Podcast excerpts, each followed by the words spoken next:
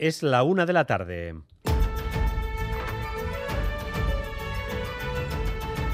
Crónica de Euskadi con Dani Álvarez.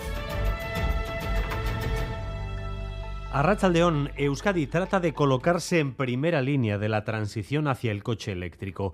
La automoción, una pieza clave de nuestra industria, no solo cuenta con la mayor fábrica del país, la de Mercedes, sino que en todo su tejido da trabajo a unas 80.000 personas. Se trata de empresas que fabrican todo tipo de componentes, algunas de ellas con presencia en varios continentes, pero falta un punto fundamental en la transición del coche de combustión al eléctrico y es la resistencia de las baterías. Hoy se ha inaugurado el laboratorio de Basquevolt, que será la futura fábrica de baterías eléctricas, una tecnología made in Euskadi en la que participan las principales empresas. La meta, reducir el coste y aumentar la autonomía de los vehículos eléctricos. Rodrigo Manero. Sí, hoy se ha inaugurado aquí en Miñano ese centro de innovación, el laboratorio en el que se están desarrollando ya los prototipos de las futuras baterías basadas en una nueva tecnología con litio en estado sólido y desarrollada por Energigune. Estas baterías van a ser un 30% más baratas que las actuales y tendrán un 50% más de autonomía, claves, según ha dicho su director general, para democratizar el coche eléctrico tener una tecnología 100% europea, tener una tecnología que aporte una solución al coste y que aporte una solución a la autonomía del vehículo eléctrico para que de aquí a 2035 podamos democratizar el vehículo eléctrico a través de una tecnología hecha en el País Vasco. A finales de este año se harán las primeras celdas y la fabricación en serie empezará, se espera, en 2027. Tras la elección de los ayuntamientos el pasado sábado, algunos municipios están todavía en una especie de situación transitoria. Es el caso, por ejemplo, de Guernica, donde va a haber cambio de alcalde en un mes, o Bermeo, donde habrá cambio también porque el elegido el sábado no aguantó ni 24 horas. Como saben, Asier Larrauri chocó con su coche cuando conducía ebrio y ahora hay momentos de confusión, dado que la plataforma que le llevó a la alcaldía, una plataforma local y que cuenta a su vez con la tendencia de alcaldía, tiene ahora el cargo en funciones y María Cereceda, en definitiva, ¿sabemos qué va a pasar ahora?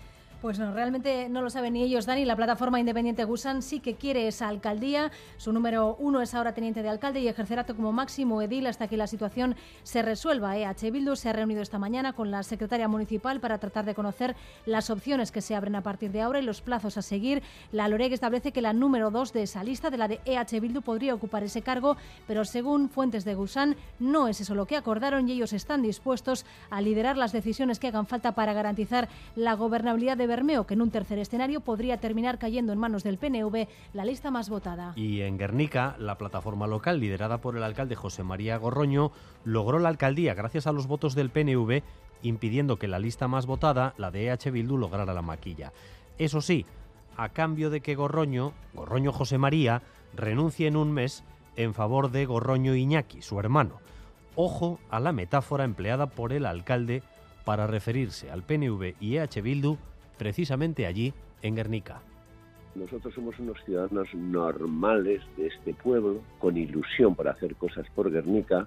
Los otros son dos partidos muy fuertes que han aterrizado aquí con todas sus avionetas, con, sus, con toda su artillería, digamos, pero sin no quiero ni molestar ni ofender a nadie. Los aviones y la artillería. Y en sumar, cerrados ya los puestos de salida en las listas para las elecciones del 23 de julio, puede que desde hoy se hable ya no de Irene Montero, sino de renovación, como en el caso de Araba. Nerea Sarriegui, adelante.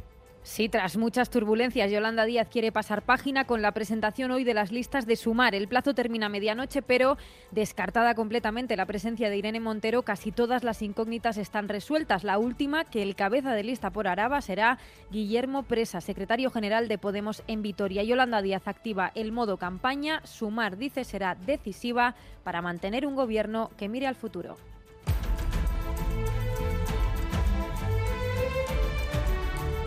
Este lunes, además, en la agenda internacional destaca el final de la visita del secretario de Estado de Estados Unidos a China. No estaba previsto, pero finalmente Anthony Blinken se ha reunido esta mañana con el presidente chino Xi Jinping, Oscar Pérez. Y eso ya es un paso positivo en el deshielo entre ambas superpotencias. El protocolo indica que la visita del responsable de la diplomacia norteamericana no obliga a un encuentro con el jefe de Estado chino, salvo que este quiera hacer ese gesto hacia Washington. Y ese gesto, como decimos, se ha producido. El encuentro parece que ha finalizado ya y Anthony Blinken acaba de iniciar una rueda de prensa en Pekín. Es la primera visita de un secretario de Estado norteamericano a China en cinco años. Éxtasis entre los aficionados del Alavés tras el ascenso a primera. Fue el ascenso soñado en el descuento de la prórroga de penalti y con gol del carismático Villalibre. Esta tarde, fiesta y trompetismo, Sonia Hernando. Victoria Gasteiz va a dar un recibimiento al equipo que quiere parecerse a una bajada del Celedón, los jugadores homenajeados. Y el equipo, a su vez, va a aprovechar para dar las gracias a la afición por su apoyo incondicional. Sibera y Abacar así lo sienten.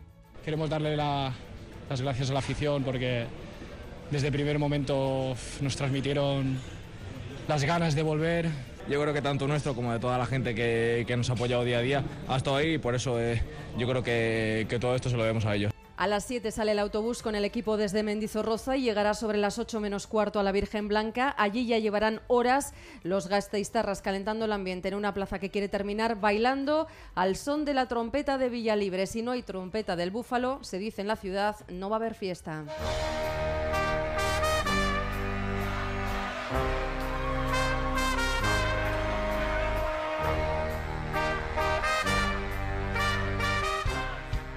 Escucharemos esa trompeta en la celebración esta tarde en directo en Radio Euskadi y Radio Vitoria. El Alavés, lógicamente, hoy en cabecera. César Pérez Gazola, Zaracha León. Pues sí, es el recibimiento ¿no? que está toda la ciudad de Vitoria y todo el territorio de Araba esperando a ese Alavés eh, equipo ya de primera división. Y además hoy noticia Braulio que se quede en Osasuna. Ha rechazado Braulio la oferta del Sevilla. Hoy lo ha comunicado el propio Braulio al conjunto hispalense para ser director deportivo del conjunto sevista. Continúan juntos, por tanto, la pareja que ha llevado Europa al conjunto Navarro Sasuna, Diego Barrasate y también Braulio Vázquez.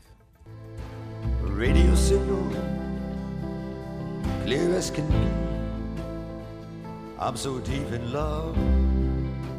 that I can hardly see.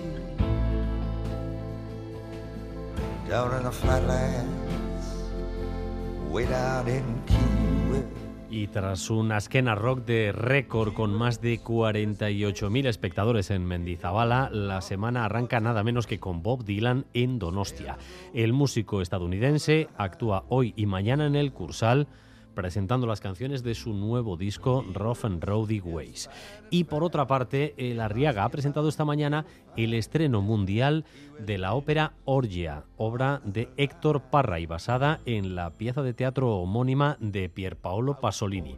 El compositor barcelonés destaca lo siguiente poner música a esto es una experiencia casi trascendental, porque en un texto de una poesía arrebatadora te dice las cosas más terribles que uno no quiere escuchar. ¿no? Es un ser que puede ser monstruoso, que tiene una faceta de hombre, una de mujer.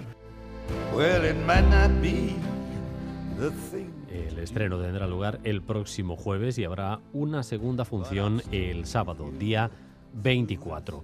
Y además, el tiempo, el tiempo que no para de darnos sobresaltos, especialmente por las tardes en forma de tormentas. Hace unos días era en el interior, Ahora las tormentas son en la mitad norte del país, sobre todo cerca de la costa. Javier Madariaga y encima vamos a seguir así unos días. Así es, la tormenta de ayer dejó 7.000 rayos en nuestro país, 5.000 de esos rayos cayeron en Vizcaya y esto parece que no ha hecho más que empezar. AEMET Euskadi ha hecho su previsión para verano y habla de un verano tormentoso. Episodios de tormenta, dicen, se producen unos 5 cada, cada verano. Esta vez podemos esperar más. Enseguida os explicamos por qué. Por ahora, quedaros con el aviso amarillo activado para esta tarde por el gobierno vasco. Amarillo por fuertes precipitaciones. A partir de las 3 habrá chubascos, granizo y fuertes vientos. Se convierte ya esto en un clásico. A partir de las 3, aviso amarillo por tormentas y además no suele fallar. Eh, temperaturas de bochorno eh, típicas también a situación previa de tormenta con 26 grados en Donostia o Bilbao, 25 grados en Bayona, algo más frescas hacia el interior, 21 grados en Vitoria-Gasteiz y en Pamplona. Gracias un día más por elegir Radio Euskadi y Radio Vitoria para informarse. Raúl González y José Ignacio Revuelta se encargan de la dirección técnica y Aichiber Bilbao de la coordinación. Crónica de Euskadi con Dani Álvarez.